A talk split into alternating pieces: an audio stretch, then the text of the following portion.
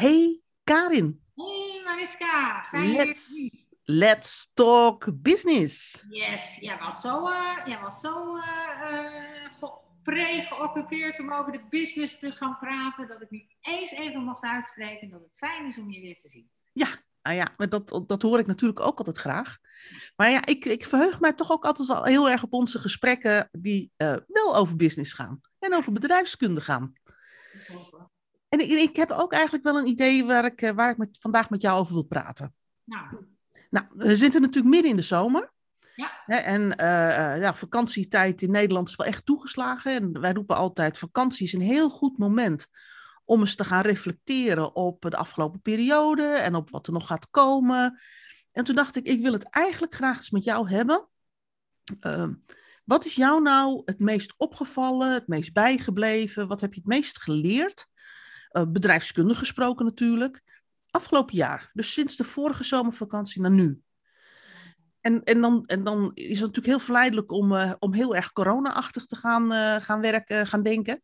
Ja. maar nee, voor mij mag je corona meenemen, maar het mag ook los van corona. Nou, ehm, als aanleiding corona, mag dat ook? Natuurlijk, alles mag. Zoals je weet, wij, wij, als, het maar over, als het maar over business gaat, ja, ja. mag eigenlijk alles. Nou, wat mij uh, heel erg is, uh, is uh, bijgebleven en ook is opgevallen, en misschien ook wel als een les voor mezelf is, is dat door die corona hebben wij eigenlijk heel snel gekeken van ja, wat is nou, wat, wat, waar hebben we hier nu mee te maken? Hè? Zo'n van buiten komend plotseling onheil, om het zo maar te zeggen. Ja, het groot van buiten komend onheil. Ja, en hoe, hoe, hoe uh, raakt dat onze. Nee, ik moet het in de vraag stellen. Raakt dat onze strategische fit? En, en kunnen wij met dezelfde doorvertaling naar onze operationele fit, hè, dus het, het, college geven op locatie en zo, kunnen we daarmee doorgaan? En het antwoord op die vraag die was natuurlijk heel snel nee. Dat kan niet. Ja. Als je in een lockdown gaat. En wat, ik, uh, wat me eigenlijk is bijgebleven en wat ik ook heel knap van, uh, van ons kernteam vind, is dat wij zo snel zijn gaan schakelen. Dat wij eigenlijk binnen twee weken een, uh, een digitaal systeem hadden waarin we een, een digitale classroom hadden. We hadden interactiviteit. We hebben hele dagen, het is wel echt ook een aanslag op ons team geweest, geoefend met systemen en hoe moet dat dan? We hebben onze uh, didactische uh, formule aangepast, hè, want online lesgeven is niet zomaar live je college vertalen naar, naar een ander medium. Hè. Daar zitten toch ook andere didactische vormen horen daarbij. Absoluut. En dat heeft gemaakt, hè, misschien een wat lange introductie, dat ik wat meer ben gaan geloven in het kan wel. En, en dat vind ik een hele fijne constatering voor mezelf. Uh, waar ik van huis uit heel erg goed in ben, is doorzetten en vasthouden en, uh, en hard uh, buffelen. Hè? Dat herken ik ook bij jou. Maar wat wat minder in mijn karakter zit, is dat opportunistische. Ik ben veel meer van de waarschuwerskant, de risicokant. En dat, ik kan van alles bedenken wat er mis kan gaan. En ik kan ook van alles bedenken om dat op te vangen. Ehm, maar dit heeft mij wel geleerd dat je heel snel kunt. dat je eigenlijk nooit goed voorbereid op datgene wat er kan gaan gebeuren. En hoe voorbereid je ook bent, dat is één. Tweede is dat als er zich dan een, een, een live event voordoet, of, of zoiets uh, ingrijpends, dat, dat je heel snel kunt schakelen. Ja. En dat, dat, uh, ja, dat, dat vind ik een hele fijne, uh, gevonden ervaring. Om het zo ja, nou, wat mooi om te horen. Want uh, ja. zoals je weet, ik ben nou juist ook van de impulsen en van het ontwikkelen en het snel schakelen. Ja. Dus dit, op het, dit, dit biedt van allerlei perspectief. Ja. ja, maar ik bedoel ook als team, hè? want je moet als team ook, uh, ook uh, zeg maar in de samenwerking met elkaar. Hebben wij geen, geen, geen, geen één moment een onvertogen woord gehad. We hebben als team eh, zeg maar gezamenlijk de schouders erop gezet en als een soort van vanzelfsprekendheid zijn we daarmee aan de slag gegaan en met een nieuwe operationele fit gekomen. Ja. En, en die in de markt uh, gezet en in onze business weten te continueren. En dat vind ik gewoon knap. Ja. Ja. Goed gedaan, zeggen we dan. Even jezelf een schouderklopje geven. Altijd goed. Dus ik ben uh, wat meer uh, van de soort wat nu als het allemaal lukt geworden. Ja. En nou, dat is... Dan hebben we ook een probleem. Dus ik ben nu alvast aan het nadenken over hoe we dat dan gaan managen. heel goed, heel goed. Ja. Nou, ik, ik merk dat ik de afgelopen jaar. Um, we hebben natuurlijk minder fysiek voor de groep gestaan. We hebben onze masterclasses van een hele dag op locatie naar een halve dag digitaal overgebracht. Ja. En daardoor zijn de masterclasses veel meer gespreid over de tijd. Niet alleen voor de studenten, maar ook voor ons. Ja. En ik merk dat dat bij mij ook tot effect heeft gehad dat ik, uh, ik noem het maar eventjes terug naar de bedrijfskundige basis. Ja. Ik, ik zit niet alleen voor een, eh, voor een mooie boekenkast, uh, zoals je ziet, uh, geheel op regenboog gesorteerd.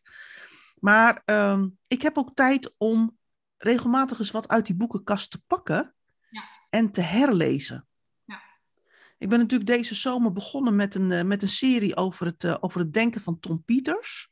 Hè, van, uh, van, van het duo Peters en Waterman, die In Search of Excellence hebben, hebben geschreven. En ik heb dat boek natuurlijk gelezen toen hij uitkwam. Ik, was net begonnen met studeren. Ik eh, studeerde economie. Uh, dit was natuurlijk een enorme, eigenlijk vanaf het eerste moment dat hij uitkwam, was het een enorm succes. Het was een hype. Nou, je kunt geen bedrijfseconomie studeren en dan niet tegen dat boek aanlopen, zal ik maar zeggen. Dus ik heb het gelezen. Het boek is in 82 uitgekomen. Ik ging in 83 ging ik, ging ik economie studeren. Dus ik denk dat ik het ergens tussen 83 en 85 heb ik dat boek uitvoerig bestudeerd als onderdeel of naast mijn studie. Ja. Ehm, en ik lees natuurlijk heel veel over, eh, zeg maar, over denken. Ik uh, heb bij sessies gezeten met, uh, met Tom Peters. Ik heb uh, toen nog video's gekeken. later werd dat natuurlijk YouTube. Um, maar in, dus ik, ik, ik, ik weet heel goed wat in het boek staat en ook hoe het bedoeld is en wat, en wat de belangrijkste uitkomsten zijn. Maar ik merk dat ik afgelopen jaar eigenlijk ook de rust heb gevonden, omdat we het werk anders organiseren, om gewoon zo'n boek weer eens te hand te nemen en opnieuw te lezen. Ja. En, het, en het grappige is dat op het moment dat je met alle ervaring en, en bedrijfskundige inzichten die we hebben, zo'n boek opnieuw leest, dat je er toch weer hele andere dingen uithaalt. Nou, daar ben ik wel nieuwsgierig naar. Wat, wat, wat, kun je daar een voorbeeld van geven? Nou, een van de dingen bijvoorbeeld, eh, en, en, dat probeer ik ook in de, in, in de artikelen die ik daarover schrijf op dit moment weer te geven, ja. is dat je uh, dat uh, Tom Peters heel goed in de, in de tijd kunt zetten van, van het denken over bedrijfskunde ja. en over organisaties. En ehm, dingen die hij in 82 in het boek schreef, hebben we natuurlijk inmiddels, uh, nou we zijn 40 jaar verder, um, uh, zijn inmiddels ook verder onderzocht. Uh, ze worden ondersteund door andere methoden en technieken. Er zijn nieuwe denksystemen over. We hebben veel meer ervaring op dingen. Ja. En, en die probeer ik zeg maar allemaal toe te voegen aan die, aan die acht lessen die Tom Peters ons heeft gegeven, al in dat, in dat boek in 82. Nou, dat, dat, dat, ik merk gewoon dat ik daar meer rust voor heb. En we hebben een tijdje geleden bijvoorbeeld gesproken over Ansof. Ja. En dat kwam ook omdat ik het boek van Ansof weer eens uit de kast had gepakt. Ja. En dat zijn dingen, dat merk, ik merk, daar heb ik meer tijd voor, daar heb ik meer rust voor. Ja. En dat vind ik wel voor mezelf ook een van de grootste, grote, uh, dat, noem het maar oogsten, cadeautjes van, ja. het, uh, van het afgelopen jaar. Nou ja, weet je wat ik ook heel erg uh, leuk vind? Dat vind ik eigenlijk ook wel een cadeautje. Dat wij uh, als zoekende nu, hoe houden we nu verbinding met elkaar? Hè? Ja. Eigenlijk door uh, het, het, het, starten met een weekstart elke keer met ons kernteam. Waarin we gewoon over het weekend praten, of over een nieuw jurkje, of over uh, een skielertocht die iemand gemaakt heeft. Of, gewoon, maar ook zo nu en dan ook eens even vooruitkijken naar de week. Hè, wat staat er allemaal op het programma? Toch een, een, voor mij een veel beter gevoel van verbinding met elkaar Omdat, ja. omdat er tussen neus en lippen door toch ook even uh, wordt herinnerd aan, denk jij daar aan, je moet dat nog even doen, uh, heb je dat gezien? Uh, wat, wat, zijn, wat zijn efficiëntie en effectiviteit heeft in ons werk. maar ook maar dat we betrokkener zijn met elkaars werk. Dat ja. vind ik ook een cadeau. Ik weet niet hoe jij dat ervaart. Ja, ik, weet je, ik vind het dat, ik vind het, ja, ik ervaar het ook zo, hè. Want het is, uh, zeker als je op afstand van elkaar werkt, dan zijn de besprekingen die je hebt, bijvoorbeeld uh, via Zoom of via Teams, um, uh, die zijn heel erg op de inhoud. Ja. Dat is heel efficiënt, zal ik maar zeggen. Ja. Maar daardoor verlies je een beetje het menselijk contact. Ja, en dat- zeg maar. De, hè, van, uh, god, ben je naar de kapper geweest? Wat zit je haar leuk? Of, uh, ja. Oh, nou, dank je. ja. Oh nee, ja, het was een voorbeeld, sorry. Nou, maar wij, maar nou ja, maar wij vrouwen ook, we hebben natuurlijk ook een man in ons team, die heeft het, dan, die, die heeft het over de EK-pool, en, eh, hè, ja, als voorbeeld. Eh, oh, die had het daarover, maar eh, ja, ik, ik, ik denk dat dat onderwerpen zijn hè, die, die in de actualiteit zitten, die ook gewoon leuk zijn en die je wilt delen, en waardoor je vrolijk wordt, eh, hè, en wat zich niet alleen beperkt tot eh, het werk. En- Nee, en, en het is ook goed om, eh, hè, want je, jij haalt allemaal hele positieve voorbeelden aan. Maar er zijn natuurlijk ook minder positieve voorbeelden die in het leven van, van, de, van de verschillende mensen in het team spelen. Hè, als ik bijvoorbeeld naar mezelf kijk, ik heb natuurlijk voor de zomer een enorme periode gehad met mijn moeder. Ja. Die van zelfstandig wonen opeens naar, eh, naar zorg wonen moest. Ja. Eh, ja, dat weet je. En dan kun je wel zeggen, ik organiseer dat eh, buiten de Zoom-vergaderingen om. Ja. Hè, dus in principe merk je het niet aan mijn werk, maar je merkt het misschien wel aan mij. Ja, klopt. Hè? En, en, dan, allemaal. ja, en, en dan is het heel goed dat je ook met elkaar kunt delen van, joh, waar komt dat nou eigenlijk door? Ja. En waar komt het nou door dat ik af en toe er een dag niet ben? En waar komt het door dat ik misschien eh, wat minder snel reageer als anders? Ja. En eh, waar komt het door dat ik misschien niet de, de jolijtige zelf ben, eh, zeg maar, die, die jullie van me kennen? Ja. En ook dat is goed om even met elkaar te delen. Zeker. En als je elkaar elke dag op kantoor ziet, ja, dan krijg je dat een soort van vanzelfsprekend mee bij de koffiemachine en tijdens de lunch en al dat soort zaken. Ja. En eigenlijk nu we zeg maar, afgelopen jaar eh, eh, in, zeg maar, volledig digitaal hebben gewerkt en elkaar dus eigenlijk fysiek niet zien en dus ook niet die informele momentjes hebben, is het heel goed om het wel te organiseren dat je toch even zo'n informeel momentje hebt. Precies. Ja, Ja, nee, maar de- ik, ik vind dat we dat, eh, en daar, daar, daar mogen we best met tevredenheid naar terugkijken. Dat we dat op een goede manier ja, hebben gedaan en nog doen. En het leuke is dat we daar natuurlijk weer een techniek voor hebben gepakt. En we, sterker nog, we zetten zelfs de term erop, weekstart. Ja. Is natuurlijk een techniek, een, een, een, een, een stukje van het instrumentarium van agile en scrum werken. Ja, klopt. Al- alleen hebben we het dan niet over, eh, over het werk en de doelen en de werkverdeling. En elkaar bijpraten, waar staan we in het werk? Want dat doen we wel in teamoverleg. Ja. Maar wij hebben die weekstart nou juist heel erg misbruikt. Om, om juist dat informele contact binnen het team, ook in een digitale omgeving, eh, eigenlijk op een hoger niveau te brengen. Precies. Want, want ik durf wel te zeggen dat we op dit moment als team informeel meer met elkaar verbonden zijn dan we voor, de- voor corona waren. Ja, dat vind ik ook. En dat is natuurlijk heel grappig. Het zal ook bij, bij, team, bij andere teams misschien anders zijn, maar bij ons eh, heeft dat eh, door de activiteiten die we organiseren dit effect. En dat is toch wel heel. En, en, en het is ook zo, hè, dat ik merk ook wel eens dat we er allemaal eh, geen zin in hebben, die weekstart. Maar we houden hem wel in en het heeft echt zijn nut. Want als we dan weer bezig zijn, is het, is het ook gewoon leuk en nuttig. Ja, ik, ik moet altijd lachen. Dat er is altijd wel iemand in het, in het team die eh, inbelt zo van... Nou, ehm, even de weekstart doen. Eh, ik, en dan hoor je er bijna achter zeggen... Ik heb even vijf minuten, dus nou, zeg even snel wat je in het weekend hebt gedaan.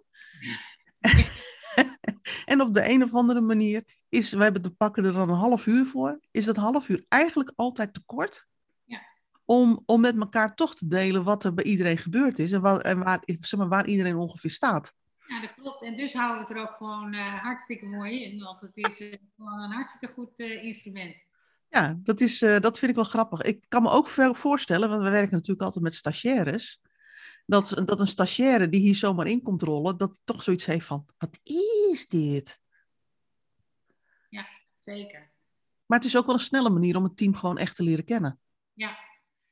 Ja, dat is het ook. Omdat je gewoon ook, eh, hè, nou, bijvoorbeeld de stagiaires die wij, wij hebben, gewoon daarin ook eh, mee laten draaien. Ze ook gewoon bevragen en dingen over zichzelf laten vertellen. En natuurlijk niet tegen, tegen hun wil in, maar ik bedoel, datgene wat je kwijt bent, wilt. Hè, dat kun je, kun je daarin kwijt. En dat is wel leuk, want je, je kent zo iemand, zeker omdat we op afstand werken, dan toch veel eerder. En uh, ja, je raakt ook eerder gewend aan elkaar. En tussen, uh, tussen het werk door kun je dus een keer een grapje over maken.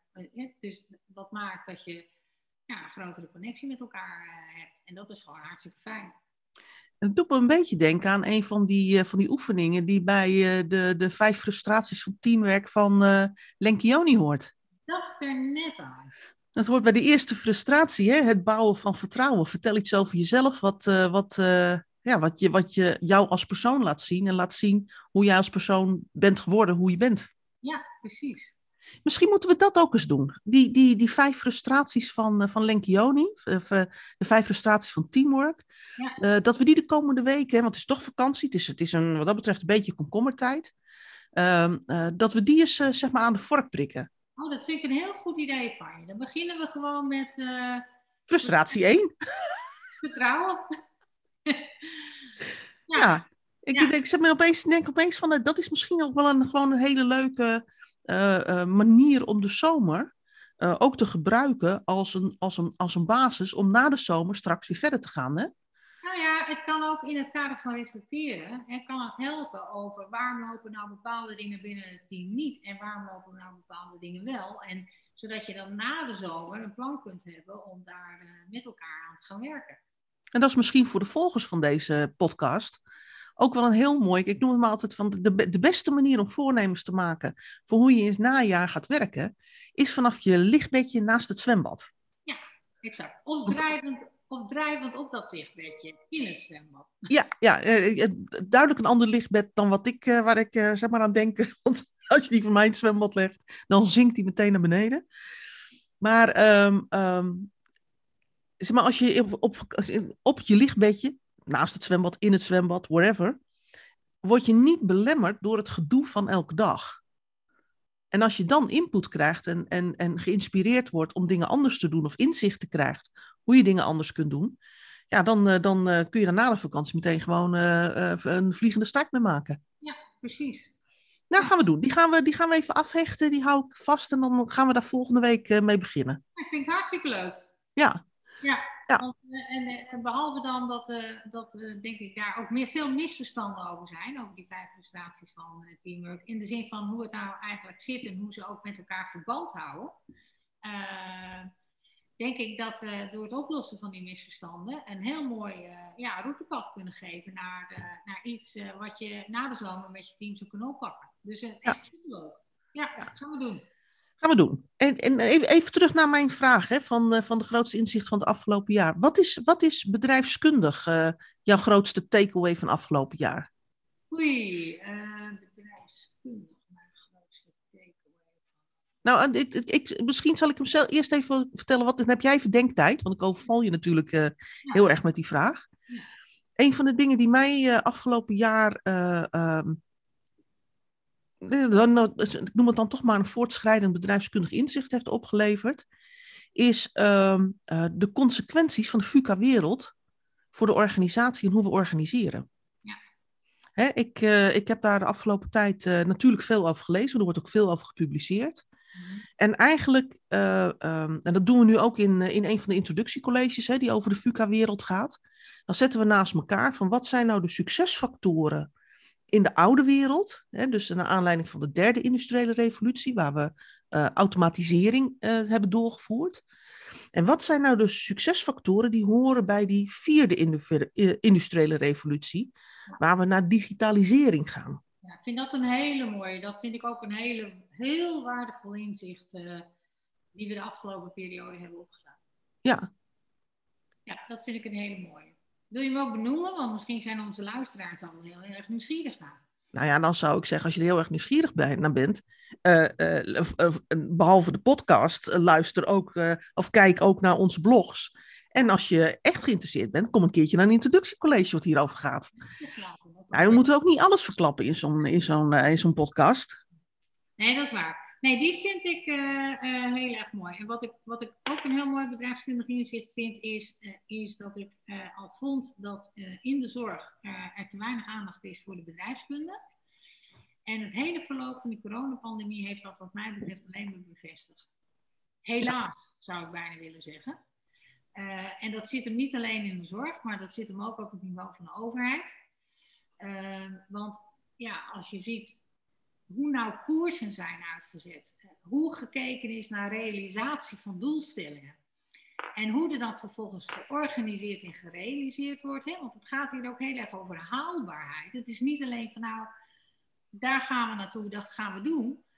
Uh, Zo'n coronapandemie heeft nou per definitie ook duidelijk gemaakt hè, dat, dat bedrijfskunde, strategie en koersen uitzetten gewoon helemaal niks is op het moment dat je ze niet realiseert. Nee. Dat dat geen randvoorwaardelijk is voor ook uh, halen. Hè? Dus realiseren van die doelstellingen en wel op een zo kort mogelijke termijn in dit geval. Ja. En daar uh, uh, ja, is de bedrijfskunde natuurlijk heel erg behulpzaam bij. En wat mij heeft verbaasd en eigenlijk ook wel een beetje ja, tot in mijn tenen toe heeft beroerd, is dat er zo weinig inzicht is in de bedrijfskunde om dit hele belangrijke vraagstuk, waar, waar uh, zoveel uh, van afhangt, hè, in de zin van gezondheid, uh, op onderdelen sterven en dood, gezondheidswinst, maar ook geld, dat daar zo amateuristisch mee is omgegaan. Mag ik dit zo zeggen? Ja, dat mag. Ik, ik, ik, ik denk dat dat de enige juiste bedrijfskundige duiding is. Ja. Ja en, en, en, en het gekke is, hè, laten we wel zijn, we, zien het nu in de zorg en met name ook bij de overheid, uh, hebben we het natuurlijk afgelopen jaar zien gebeuren. Uh, maar als we heel eerlijk zijn, we zien het natuurlijk ook bij heel veel organisaties waar we komen. Ja, tuurlijk. Maar kijk, dat, dat pannenkoek bakt lekker wat door. Want uh, op het moment dat de economie relatief goed is, en je, je concurrenten die pannenkoek bakken ook wat, ja, dan, dan, en, en je haalt de winst, dan is de noodzaak om te veranderen en te verbeteren kennelijk niet zo heel groot. Dat zit ook wat in onze cultuur, vind ik. Ik vind, wie zei dat ook alweer, dat wij wel een beetje een zesjescultuur hebben. Ja, balkenende. Balkenende, ja. Nou, ik had niet zo, nee, zal ik niet zeggen, maar dat vond ik, dat vond ik wel terecht wat hij opmerkte, want het is natuurlijk zo. Waarom en waarom als je zegt van ja, bedrijfswinst, het is allemaal wel lekker. Ja, het kan natuurlijk een keuze zijn. Maar wat ik wel eens mis, is die behoefte aan beter. En meer ambitie. Ja. En, en leuker. En uh, goedkoper. Of uh, sneller. Of whatever. Maar in ieder geval de passie die eronder zit. Ja, nou ja, dat is natuurlijk ook wat Jim Collins uh, heeft er zelfs de titel van zijn boek van gemaakt. Van good to great. He, van een, ah, het gaat wel goed. Ja. Naar, wauw, zal maar Ja. zeggen dat. En wat ik, wat ik zelf daar in het verlengde van wat je zegt, wat ik ook voor afgelopen jaar wel een mooi inzicht vond, en daar hebben we ook al een keer een Let's Talk Business over gemaakt, is dat eh, eh, het proces naar welk doel hebben we nou gesteld afgelopen jaar als het gaat over, eh, over corona en hoe we sturen op corona. Ja. Hè, het doel wat, wat de Nederlandse overheid heeft gesteld is dat de ziekenhuizen niet mogen overlopen. Ja. En, dat, en daar zijn de maatregelen op gekozen. En ik denk dan altijd, hoe is nou dat doel tot stand gekomen? Is daarover gesproken of heeft iemand dat gewoon geroepen als zijnde van, oh jee, als onze ziekenhuizen maar niet overlopen. Als we IC-bedden genoeg hebben en niet bes- moeilijke beslissingen hoeven te nemen. Eh, en, en dan kan zoiets, zeg maar, gewoon een doel worden genoemd. Terwijl er misschien ook hele andere doelen waren geweest, waar we misschien als samenleving wel veel gelukkiger van waren geworden. Ja, bijvoorbeeld eh, de economie moet eh, blijven draaien of zo. Of, eh, Ja, bijvoorbeeld. Of, eh, ehm, is wat jij raakt. Is, waarom is dit doel nou gesteld en niet precies. dat? Ja, En precies. is dit doel geworden? Is dat is een act of God? dat de meeste mensen zeiden van nou, als de ziekenhuizen maar niet door en toen werd het dat. Of heeft daar een bewuste afweging over gevonden? Ja, precies. Wat voor, organis- wat, voor, wat voor land willen wij nou eigenlijk zijn? Ja, want ik kan me namelijk ook heel goed voorstellen, en dan komt dat opportunistische ontwikkelaarsstukje van mij weer naar boven. Kijk, we hebben natuurlijk nogal een, een aantal uitdagingen. Ja. We hebben uitdagingen op het gebied van klimaat. We Ja. hebben uitdagingen op het gebied van mobiliteit en, en, eh, en bereikbaarheid van ons land. Ja. En ik kan me best voorstellen dat je ook als overheid zegt, moet je luisteren, eh, we hebben nu een unieke situatie. Er komt een, eh, een, een virus in ons land. Ehm, en natuurlijk, dat moeten we managen. hè, ik bedoel, laten we even wel zijn, maar we willen deze periode waarin we ongetwijfeld maatregelen moeten nemen, Ja? ook gebruiken. En dat is ons doel. We gaan deze periode uitvinden wat er mogelijk is en wenselijk is op het gebied van anders wonen, leven en werken. Ja. Had je een hele andere invulling gekregen. ja, klopt. En dan had je nog steeds moeten managen dat de ziekenhuizen niet overstroomden. Nee. Maar dan had je bijvoorbeeld wel met je stimuleringsgelden misschien andere keuzes gemaakt. Bijvoorbeeld in het kader van vaccinatieprogramma. Ja, bijvoorbeeld. Maar ook gewoon in termen van. En wat gaan we nou in de overheid, als overheid. eh, eh, eh, waar gaan we nou geld naartoe brengen? Ja. Want we hebben heel veel geld uitgegeven hè, als samenleving. Ja, echt onvoorstelbaar veel geld. En dat moeten we de komende jaren allemaal terug gaan verdienen. Ik bedoel, dus, dus zo, zo is het ook nog een keertje. Nou ja, ik denk dat we onze kinderen, hè, die hebben met een, eh, met een flinke rekening als het gaat over klimaat. Eh, en die hebben er eh, een flinke rekening bij gekregen. Ja. En dan denk ik van, als je. En, en daar, ik, ik ben dan wel nieuwsgierig, hè, want er gaat natuurlijk een parlementaire enquête komen. Ja. En ik ben wel nieuwsgierig van, zouden ze nou ook naar dit stukje kijken? Naar, naar hoe is nou de overheid tot het doel gekomen waar de coronamaatregelen op zijn gekozen? Ja, ik ben, daar ben ik heel benieuwd naar. Ik verwacht, ik verwacht ik ben, ja, ben misschien weer wat negatief, maar dat verwacht ik eigenlijk niet. Nee, ja, ik denk het eigenlijk ook niet, want die parlementaire enquêtescommissies worden natuurlijk door politici gerund. Ja, En die, en die denken niet in dit soort termen. nee. Gek genoeg. Ja, het zou het eigenlijk wel moeten. Ja, maar eigenlijk hè, de vraag over wat voor soort samenleving wil je nou met elkaar zijn, die, die gaat hieraan vooraf. En dat is misschien bijna wel een, een, een, ja, een ethische, bijna filosofische vraag. Hè? Ja. Van, wat voor soort samenleving. Vroeger wilden we altijd kenniseconomie zijn. Ja, we hebben ook wel eens Nederland distributieland gehad. En toen was het Nederland kennisland. Ja. En toen waren we van het watermanagement. Of Ja. eh, misschien draai ik de volgorde om hoor. Nou ja, we zijn nu Nederland bejaardenland. Nou, we zijn eh, nu Nederland. eh, we kijken wat de rest doet en dat doen we ook land. Maar het effect van ons handelen maakt dat wij gewoon een hele goede eh, klimaat hebben voor, voor mensen die ouder zijn. En daar is niks mis mee, maar ik vraag me af of dat een bewuste keuze is. Hè? Dus dat, of, of dat nou zeg maar het onderscheidend vermogen is van Nederland. Dat we dat willen zijn. Ik, ik, ik heb zo'n donkerbruin vermoeden dat we die vraag alle twee kunnen beantwoorden. En dat is nee. Nee, ik denk ook. Aan de andere kant, als je daar wel voor zou kiezen, dan, dan zeg ik, dan doe het dan ook gewoon echt en goed. Ja. En richt dan ook alles erop in dat alle ouderen in Europa denken van blijf ik hier of ga ik naar Nederland? Ja. Want dan trek je ook weer mensen aan. Dan kun je weer schaalvoordelen pakken. Dan kun je weer leereffecten pakken. Dan kun je de dingen erop inrichten. Nou ja, dan, De economie en dan kun je er weer een economie op draaien. Je weet, ik heb wel eens eh, in eh, zeg maar eh, grote internationale, als je discussies hebt over waar moet het naartoe met, met de wereld en, en je laat bedrijfskunde los op de wereld, dat ik altijd gezegd heb, we moeten als Europa doen waar we goed in zijn. En wij moeten gewoon het museum van de wereld worden. Dat is een beetje dezelfde insteek, hè? Ik bedoel, wij hebben de grachten, en we hebben Giethoorn, en we hebben de Hollandse meesters en de musea. De- ik, ik, eh, Frankrijk heeft de revolutie, eh, eh, Duitsland heeft de, de, de industrie, zeg maar de historie ook van de industrie. Nou, over Italië, de Romeinen en de Grieken, daar hoeven we het er verder niet over te hebben, dat is ook duidelijk. Ja. Dus eigenlijk zijn wij gewoon het museum van de wereld. Nou, dat is wel een beetje zo, ja. Maar laten we het dat dan ook goed doen. Hoewel er, uh, over, ik in andere delen van de wereld ben geweest waarvan ik dacht van nou, dat is Hier is ook wel een museum van te maken. Ja, bijvoorbeeld eh, de Maya's in eh, Mexico en Guatemala. Hè? Als je zo'n Maya doet, dan denk ik van nou, daar is ook wel een aardig eh, museum over op te zetten. En nog, nog een oudere samenleving. Overigens ook, we zijn beide in China geweest. Ook een hele oude samenleving natuurlijk. Hè? Die had van alles- Ja, maar ja, wij in Europa hebben één groot voordeel. ja, we hebben de afstand. Precies. Bij ons zit het allemaal veel dichter bij elkaar. Dat klopt. En dan, eh, en dan hoef je niet meteen op de Japanse manier, zeg maar, te toeristen. Hè? Dat je overal een uurtje bent en voor de rest aan het reizen bent. Nee. Eh, je kunt het zelfs op een andere manier doen. En, en, en ook nog wat eh, echt tijd hebben om naar te kijken. En om ook niet alleen te kijken, maar ook beleven.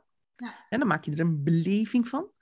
Eh, eh, ja, dan ben je bedrijfseconomisch of bedrijfskundig toch wel leuk bezig. Overigens, jij zegt van eh, je hoeft dat niet op de Japanse manier te doen. Maar een ondernemer hier in het dorp die eh, schiet mooi op de Japanse manier in. Want die heeft een onderneming gestart en die heet Amsterdam Lake District. Dus hij haalt al die Japanners en die Chinezen in Amsterdam op met de bus. En trekt ze vervolgens naar het merengebied in, uh, in Friesland. Ja, en die Japanners die denken allemaal dat het bij Amsterdam hoort. En laten Ah, ja. het sluisje zien en inlopen. En, eh, en, en eh, die, eh, ah, ik die sluiswachter en dan zegt hij tegen de Japanners, ja, weet je, dit is een family-owned corporation. Amerikanen vinden dat ook helemaal geweldig, die family-owned corporation. En hij zei, ik heb die man met die sluis en die ken ik en die bel ik dan even. Dat is natuurlijk niet zo, die sluiswachter die zit daar de hele dag. En die doet speciaal voor ons het sluisje even open. Nou joh, wat als het tierenleer? Kijk, dat, dat vind ik nou leuk, Nederlands ondernemerschap, wat zeg maar een beetje gekoppeld is aan dat Europa als het museum van de wereld. Kijk, ik hou ervan, van dit soort dingen. Ik zo grappig. Amsterdam Lake District. En dan vragen we ons af hoe het komt dat de rest van de wereld zulke verknipte beelden heeft van Nederland. Heerlijk, heerlijk. De dag onderweg met die Japanners. Want ik bedoel, ze doen ook een dag dan eh, Rijksmuseum en Stedelijk en zien dan Amsterdam. En dan ook nog een dag Amsterdam Lake District, hè, de Nature Around eh, Amsterdam. Nou, dan kom je hier gewoon eh, in Friesland uit. Ja, en, en, en twee, drie uur met de bus vinden zij heel normaal. Ja, dat is heel normaal. Dat is heel normaal. We gaan lekker paling eten, is tevoren. Dus. Nou, we zijn weer helemaal in vakanties weer. leuk hè? Helemaal goed. Ja, vind ik ook. Leuk. Hey, Hey, eh, Ik ga het boek erbij pakken. We gaan, eh, we gaan volgende week eh, met Lenkioni beginnen. hartstikke leuk. Gaan we doen. Ik wou zeggen, ik hou je eraan, Lenkioen. Ja, ik vind hem, ik vind hem leuk. Ik vind hem leuk. Gaan we doen. My hero. Hey, tot volgende week. Tot volgende week. Doei doei.